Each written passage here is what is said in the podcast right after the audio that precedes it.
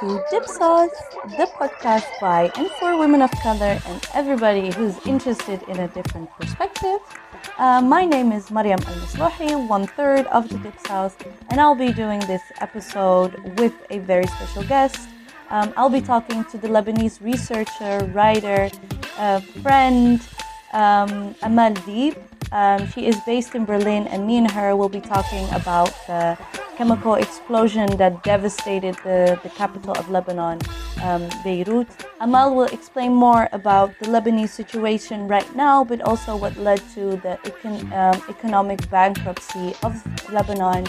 Um, it was lovely to talk to her, unfortunately, under these very sad circumstances. And don't forget to donate. In the show notes, you, will find local initiatives to help out um, people who are affected. Okay, now to the conversation. Um, Amal, أهلا وسهلا. صباح النور. صباح الزفت. Thank you. صباح welcome to the Dipsaus podcast. صباح الخراب. yeah, yeah. I mean, I love Thanks, that Maria. about Arabic. I'm so happy to be here with you today. Thank you. Thank you so much for your time. I I have seen your Facebook post and it's been a difficult time. I can imagine you know, not much sleep, worried about your family, your friends, your loved ones there. So let's start with how are you how are you doing, Amal? Good morning, Mariam, and good morning to all our listeners. Um, I, like many other Lebanese, I'm not doing well. That's the least I can say.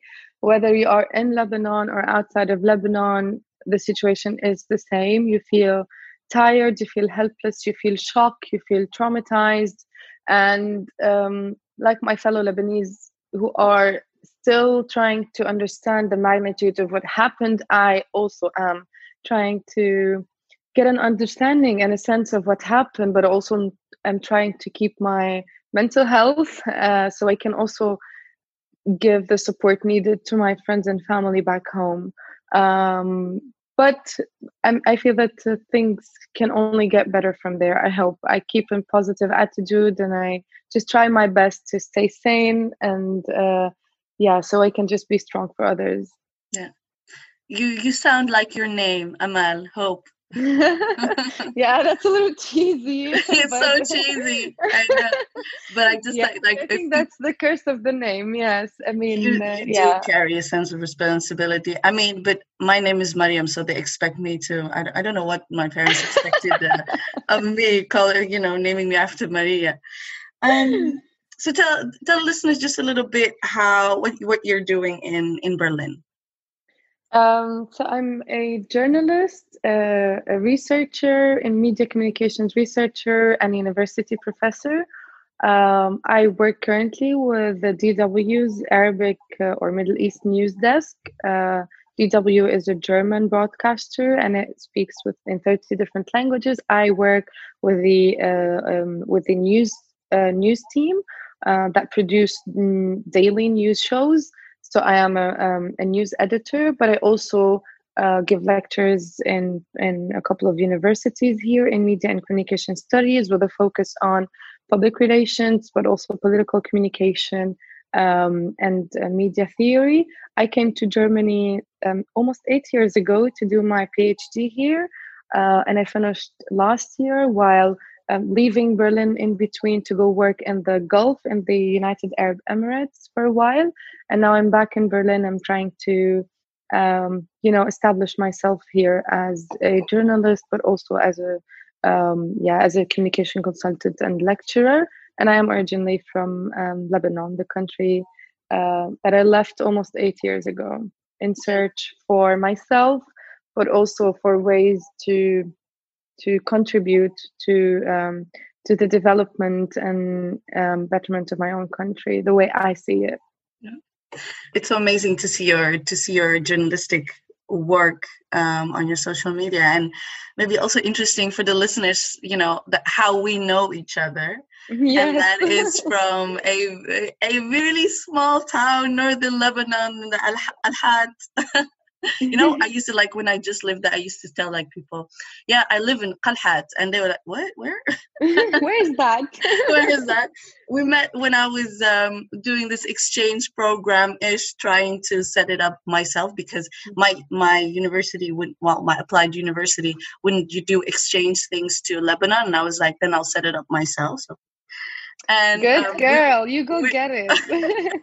and we let went- no university tell us what to do. We do no, it ourselves. exactly. I want to go. And then they said, like, why don't you go to AUB, like an American University of Beirut or LAU, Lebanese American uh, American, you know? And I said, no, I want to go because Balamand, the University of Balamand, is on top of this mountain, and there's nature and blah blah blah. And that's where we. Um, where we met. I mean, you were already so active at that university. I mean, mm-hmm. you know, you were always just like busy, busy, and then you did the university newspaper, and I was just like, I was not doing anything about, uh, uh, mm-hmm. you know, a university. I was hanging around, talking to people, taking walks, ending up in Kfar Hilda and being like, hey, hello. I remember the first time I saw you walking into that international student's office. I don't know if you remember that. Yeah, yeah, yeah. You were just coming. I was working at the office back then, and I saw this, you know, beautiful young little girl who's shy yet has this audacity. Like she has strong personality, and she's just walking into the office and she's like, "Hi, I'm a new international student here. I need help." Yeah, I, I thought needed that was so much brilliant. yeah, I got the, And I needed so much. I was like, how much is tuition? yeah, exactly. um, but yeah, Can I I afford that? Well, I think that uh, that yeah, that's that's one of the problems in Lebanon, right? Private education. That that's So we, I don't want to get into that yet. We're talking about our story, but that's also Yeah. part of the problem, right? Um, having uh, education being such an elite activity, while it, it should be just you know something that a right, a basic human right. Um, but yeah, I remember when you were, um, and you were quite popular at Balamand, I would say. Also, people were interested in hearing only your Moroccan story there. That's why. no everybody but I was. also no but we did talk a lot about your you know the, the the netherlands and the issue of identity being a Oh, moroccan dutch. And Yeah, uh, i remember us speaking a lot about this. And then uh, i also kept um, in touch with you Yeah. seeing the way you grew and the way you developed and all your like activism uh, involvement. Just so proud of you really. Oh, and i've thank been um, a listener to your podcast as well. What a great what a great uh, yeah what a great uh, and what a great was- thing you're doing and then we're gonna get to the to really into the you know less happy stuff but i do Yeah. always say that you know during that war of identity lebanon was a uh, was a waqf itlaq you know it was really a truce. It was ceasefire all it's, everybody was just all those identities were just like we're in lebanon now.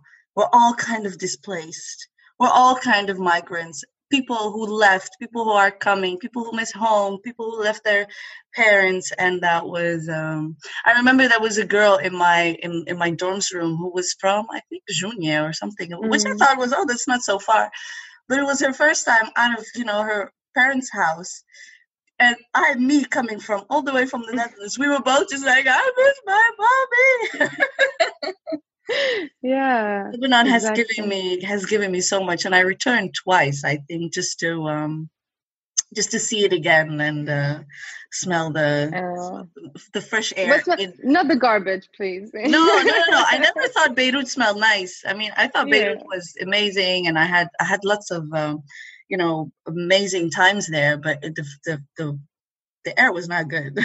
like, yeah yeah not- absolutely and i think as i was just as i told you earlier that being uh you're lucky that you got to live the non-beirut experience in lebanon because many foreigners uh, white foreigners just want to come and party and live you know the expat life yeah. um, but you get to experience much more than that and i think that's what enriched enriched your stay here and that's what made made you kind of have a connection with the people and the and the places there Yeah, and that's I think that's why I think in that place, you know, a kind of deserted place also, but also a cocoon, kind of safe as well, where I, where people actually, you know, there's much more trust in the other. Mhm. So we never locked our dorm rooms and you know if you lost an egg you would think like oh okay Noor took it that's fine you know that was um no it was an amazing uh, introduction to a country that i was very curious about but that i also had you know i was like thinking like oh it must be the paris of, of the middle east and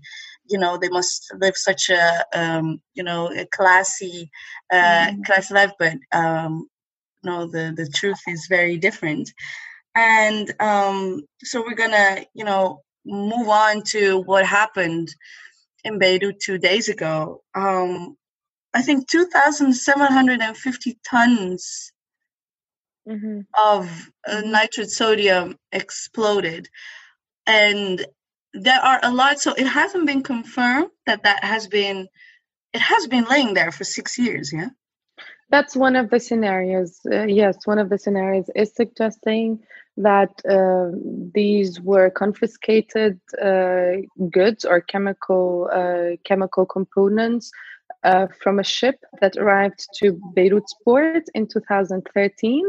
They've been confiscated and kept there, just laying in a in a in a warehouse without any security or safety measures for the past six years. So technically, it was just a ticking bomb for this past six years you know just try to imagine it that way. You live in a house like take lebanon as a house and you live in a house and you know in your storage room in the house or in your i don't know in your uh, in your kitchen in your cupboard there's a bomb that's just laying there without you knowing or realizing yeah. it you know just someone came and put it here and it's just waiting for um, for the right time to tick uh, or to go and to explode and you're just going on living your daily life without realizing that and then suddenly the big explosion happens. Um yeah so the the investigations have already started. That's what the lebanese government is telling us that they started investigating what happened. Awkwardly or funnily enough they said uh, there should be results should be out in five days. I don't know how you can mm, wow. i'm not sure. Yes uh, exactly. I'm not sure how you can investigate such a uh, such uh, such a massive um, criminal act in just five days and come with conclusions. Ironically enough, the person who's responsible for the customs, the the the head of the customs, who is said to be the main um, um, the main culprit in that case, is heading the investigation. So that tells us a lot so that tells us a lot about the you know tra- um, how transparent these investigations are.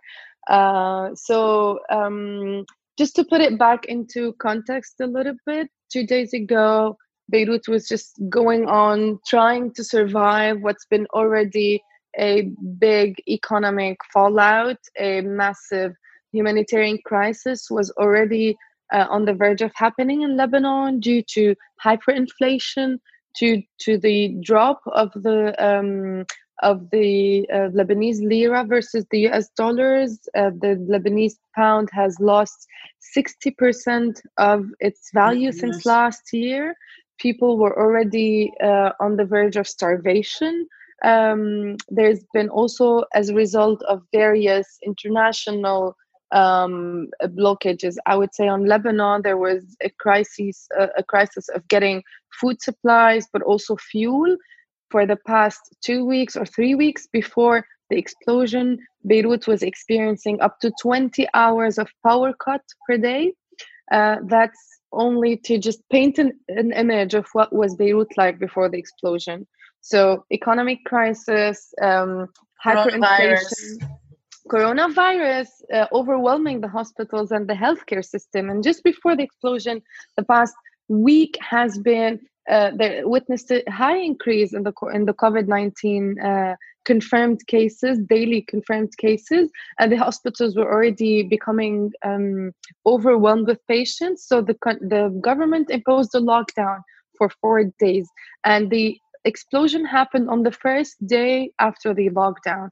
So there was a lockdown for five days, and then there was kind of a two days break to give a virus time to to play around again. Um, but we need a breather. we need to breathe. Yeah, exactly. But rather to let the economy work a little bit. All the decisions, I mean, just between two parentheses, all the decisions and actions of the Lebanese government have been very controversial lately. And one of them is its handling of the corona crisis. So on the first day after the five day lo- the first phase of the lockdown, the uh, explosion happened. So it was the first day that people were kind of returning um, to running their errands and doing their normal jobs and you know taking kids to daycare and so on. And then the explosion happened. Luckily, um, a lot of offices were already working from home. The area where the explosion happens is full of offices. Uh, yeah. So a lot of them were already working from home. So that saved a lot of li- lives. However, the explosion happened at rush hour at 6 p.m. at Beirut's main port. And let me just also um, put it in an, in an easier context. Beirut is a very small city. Lebanon is a very small country, It's 10,000 kilometers. You can yeah, end, I mean, you, you can start there. in the north, end up in the south in three hours, and you're yeah. done. The whole population of Lebanon is five to six million, and Beirut's residents are Beirut hosts 1.5 uh, million residents. So it's such a small city compared to any other European city. Um, and um, it's packed with buildings, and it's just an overpacked city. A city that has been already destroyed, myth says, seven times since its existence, Lebanon has survived so many wars civil wars, Israeli attacks, um, um, Syrian occupation. It survived so many political um, upheavals in the past uh, 30 or 40 years. And now this disaster comes to wipe away a city that was barely surviving.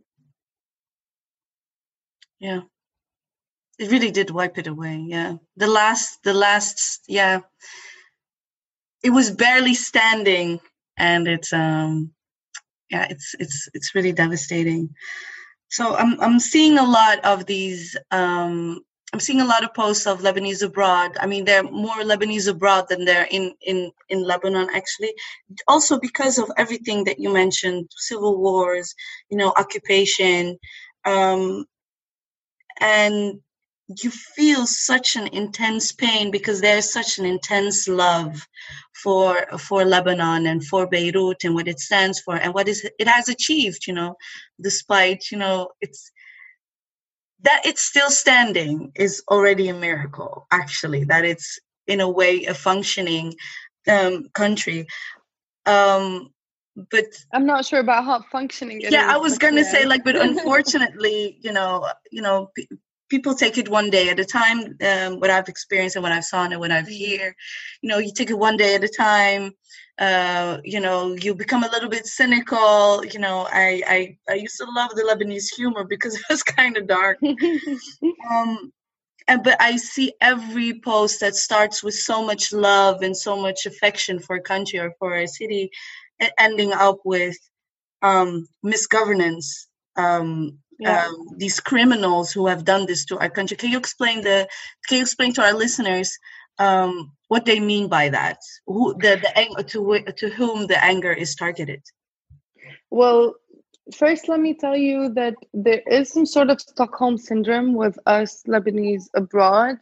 Uh, we feel abused by this country that just taken our soul in so many different ways that has ripped us from our basic rights basic human rights such as electricity and uh, and and water and basic you know basic food having access to all these basic needs yet we love it and we're so attached to it you know be it the cultural image that we drew of it the music the scenes be it the stories that we've been told about the glory of Lebanon before the civil war, which most of it is not actually true. It might be just in our heads in a way or another, but we are attached to our country and everything that happens to it touches us very very very deeply and this is where the anger comes from um, because you see a country that has all the all what it takes to be an independent uh, self-sustained country yet you see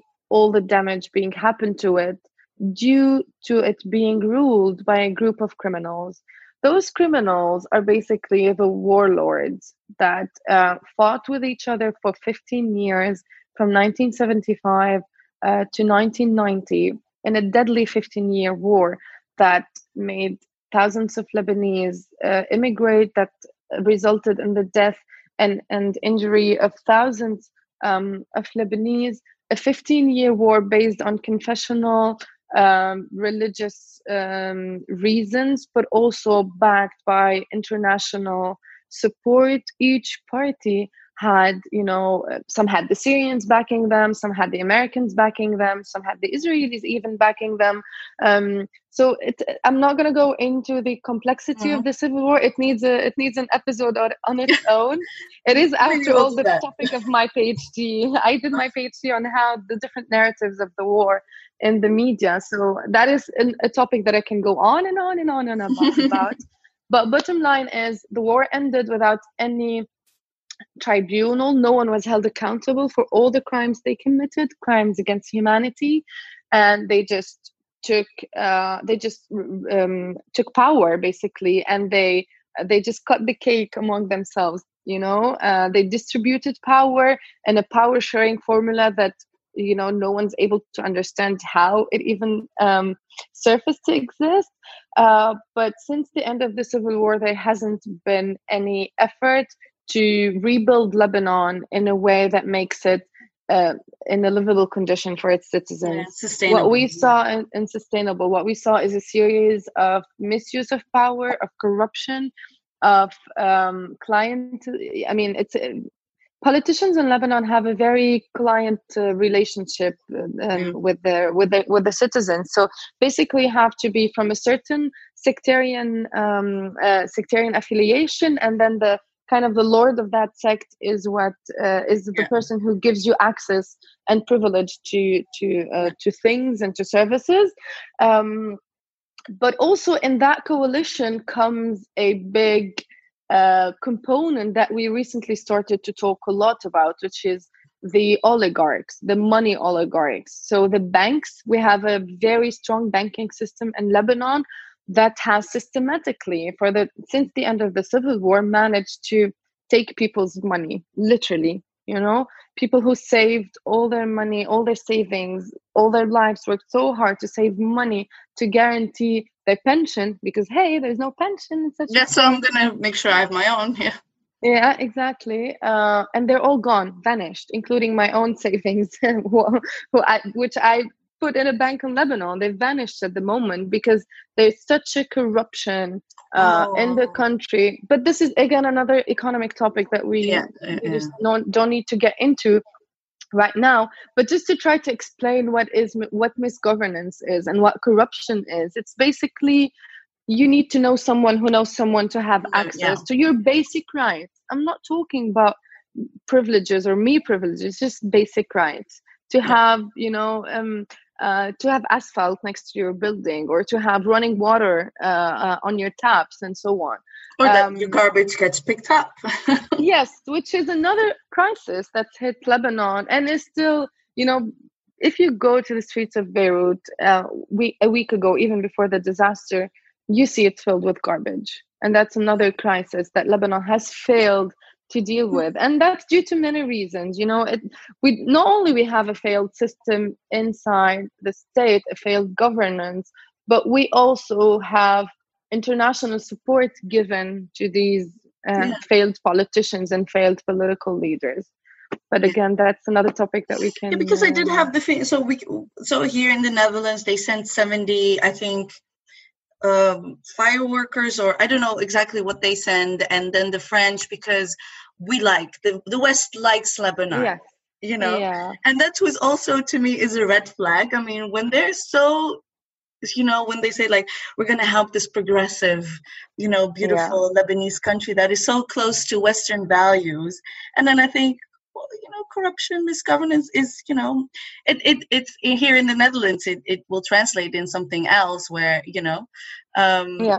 But it was it was a, a, a huge uh, red flag. The no, let me tell you something on, on this on this exa- exactly on that point because I was just listening to uh, um, to one of um, um, to someone from the International Red Cross Committee in Lebanon, working in Lebanon at the moment, and she was just talking to a morning show on what is needed right now in terms of aid in Lebanon of support.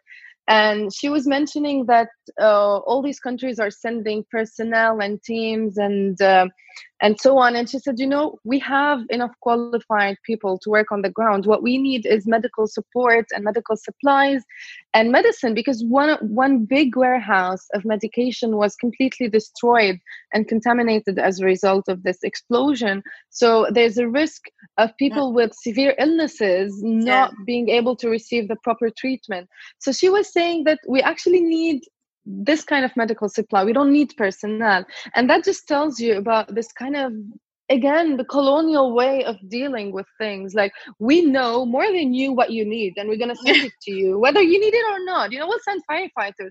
Hey we have firefighters. We don't need firefighters. We need equipment. We need helicopters to turn down the fires. We need food to we need food to feed 300,000 people who became homeless in Beirut as a result of the explosion. Can you imagine, Mariam, 300,000 people? The whole population of Beirut is 1.5. It's almost one third of Beirut's citizens are homeless now. Let's just take a minute and think about this number. If this was to happen in the Netherlands or in Germany, like it's giving me goosebumps. It's un, un, unfundable. I, I'm, um, I can't even imagine. No. So, so and here again come the Western countries, which yes, we do need your help, but we need it on our own terms. We need we to listen you what, to you. To You're going to tell us what you need, and we're going to give it to you, and not be like and be and not hold you hostage. You know, Absolutely. and not be like you need to pay for this in two years, please. Exactly. Yeah. No, it's also a um you know everybody had to do something and um yeah. And which is okay yes we do need international support. There's definitely uh, the, the, the the the country was already on the verge of a humanitarian crisis yeah? And the, the explosion came like it's just one last drop that let yeah. the whole thing just flood right? Yeah. uh, but now is the time to listen to us and what we need. We will tell you what we need and you just bring it to us if you want to help. But um but they're not used to that. That's what they know how to do best you know? We impose we tell you what we need what yeah. you need. We don't listen to you. Maybe good idea to put in the show notes where people can help or da- donate. I just saw a few links. Maybe i can check them with you if they're the right right ones. Um yeah, there are multiple organizations working on the ground and that was also one of the main calls of the lebanese people to the um, Western countries or Gulf countries or even the Americans, anyone who offered to support, that the main message was please don't send money to the government. It's a it's a corrupt government that will just take the money, they will put the money in their own pockets and it will not reach the people. So instead of helping through official channels, help the grassroots Locals. organizations, the local organizations that are working on the grounds. There are multiple ones, and there's a grassroots movement right now happening in Lebanon to to help in the relief, you know, um, uh, relief actions. Instead of the government mm-hmm. getting companies to clean the rubble, people were volunteering to go yes. to the streets and help. They were collecting money to buy, you know, uh, shovels and all these kind of things yeah, they need to clean. My own brother went from Tripoli to Beirut yesterday just to help in the cleaning process, um, and it's just been, you know, and it's also very controversial. Like, why should we? clean up a mess that Your you mess. created. Yeah? Yes, yes. So great. There's it's great that there's social solidarity and then people are sticking to it with each other. But it is the government's responsibility to do that. It shouldn't be the only thing. They're the only ones cleaning now. That's the whole problem. It's yeah. not in support of or in solidarity of. If they don't do it, it doesn't happen. Exactly. If they don't do it, it doesn't happen. Yeah, you would see that the streets still full with glass if no one yeah. went and volunteered and you know and it, we're talking about a traumatized population that just witnessed witnessed an yeah. explosion and the first thing they do is just change their clothes if they still have any closets in the house because they have as we know as we know all the houses were just the windows were shattered um, houses were literally blown away blown literally away. blown away exactly and they just you know pick themselves up and help help each other again which is great on the social level, but also it just tells us Mm. the extent to which the government is absent, you I saw- in Lebanon. Well, I saw a tweet of this white guy, you know, that lived in Lebanon for four months, so he has a special connection. I am different, yes. I'm not. I'm, I, I get to say that. Um, and then he said, "Yeah, it is exactly what you're saying. That he's saying, oh yes, but you know, almost saying like this is an Arab thing. You know, this solidarity, this would never happen in Europe." And I was like, "No, we don't, because we don't have to." Exactly, exactly. There's a government that takes care of these things. Yeah. Yeah, the pe- the people are forced to. It's not that they're saying, "Let's go have a nice day on the streets, maybe get a glass in my foot, and then I will end up in the hospital." You know. But also the chemical. There's still a lot of. Um, yeah, remains and in the air. hmm Yes. Yeah, I mean, experts are saying it's not really dangerous or lethal per se.